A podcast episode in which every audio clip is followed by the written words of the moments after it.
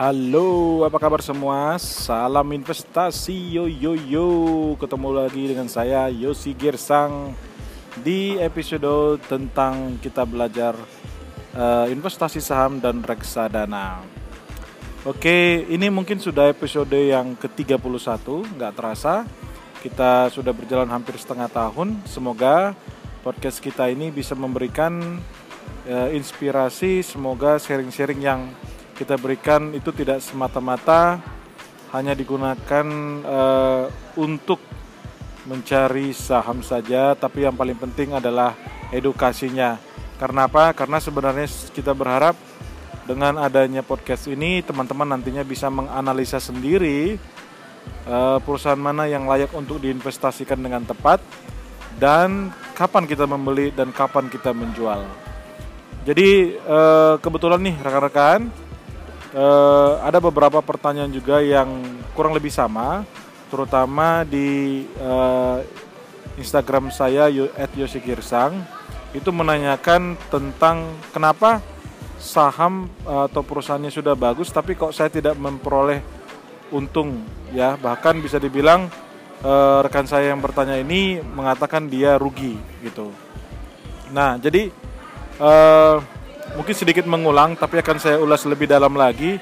Pada intinya gini, ya walaupun kita sudah menganalisa, ya kita sudah melihat apakah perusahaan itu bagus untuk investasi jangka panjang, perusahaannya sehat, dijalankan oleh manajer yang manajemen yang jujur dan uh, care, kemudian perusahaan juga bertumbuh, ya profitnya, revenue-nya, dan utangnya juga semakin lama semakin kecil dan itu dikategorikan perusahaan sehat tapi ketahuilah bahwa kalau kita membeli perusahaan tersebut di harga yang mahal atau premium itu tetap kita tidak akan memperoleh keuntungan.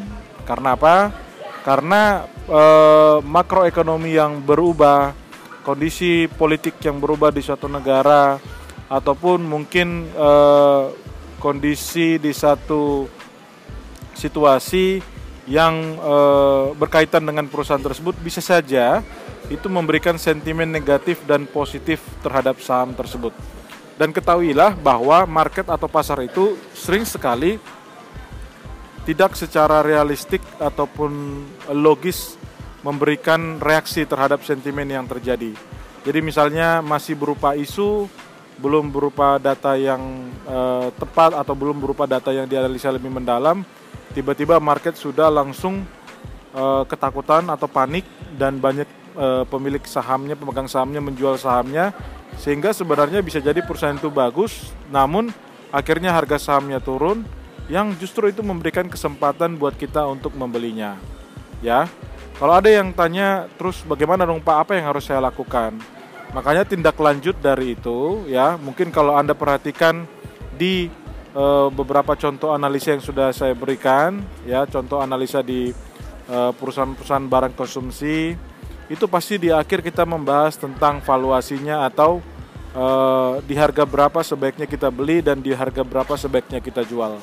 Dan saya berharap teman-teman bisa disiplin dengan itu. Karena biasanya perusahaan yang bagus itu bukan perusahaan yang sahamnya digoreng atau perusahaan yang uh, sebenarnya kinerja jelek kemudian harga sahamnya dinaik dan diturunkan oleh eh, pihak-pihak uh, tertentu. Itu kalaupun dia turun itu akan turun tidak serta merta uh, besar dalam satu hari. Ya turunnya mungkin hanya dua persen tiga persen paling paling mentok-mentok 5% dan naiknya juga begitu dia tidak langsung dalam sehari naik tinggi 10% 15% enggak gitu. Kecuali uh, itu saham gorengan. Biasanya naiknya itu paling ya 2% 3% mungkin mentok-mentok 5% gitu. Yang mana itu pun biasanya harga digerakkan karena memang ada institutional investor yang besar yang memang melihat opportunity ketika misalkan saham itu terdiskon. Ya, terus parameter apa yang kita gunakan? Saya ulangi sedikit. Yang paling gampang buat seorang investor, apalagi investor pemula, itu menggunakan uh, relative valuation, which is yang disebut dengan price earning ratio. Jadi acuan kita apa? Acuan kita adalah kita melihat dalam lima tahun terakhir misalkan ya e, berapa sih e, eh, PE ratio dari perusahaan tersebut. Jadi misalkan nih perusahaan ini kan sekarang nih kita laporan keuangan sebentar lagi akan di full year 2019. Berarti kita melihat ya PE rasio perusahaan tersebut paling rendah itu di harga berapa dan kemudian kita bagikan dengan EPS-nya per tahunnya. Jadi 2018 dengan EPS 2018 misalkan, kita lihat harga terendah saham berapa, nanti kita tahu nanti uh, PER atau PER ratio perusahaan tersebut yang terendah di tahun tersebut. Demikian juga untuk 2017, 2016, 2015 dan 2014 baru kita rata-ratakan. Jadi kalau misalkan rata-ratanya adalah di harga misalkan uh, eh, PE ratio-nya adalah 10 gitu. Berarti kita baru mau mulai membeli perusahaan itu ketika nantinya kita cek dengan EPS saat ini dengan harga saat ini apakah dia lebih rendah dari 10 gitu. Dan kita usahakan untuk disiplin dengan itu. Sama juga halnya ketika kita mau menjual, kita eh, hitung eh, PE ratio tertinggi selama lima tahun terakhir kita rata-ratakan.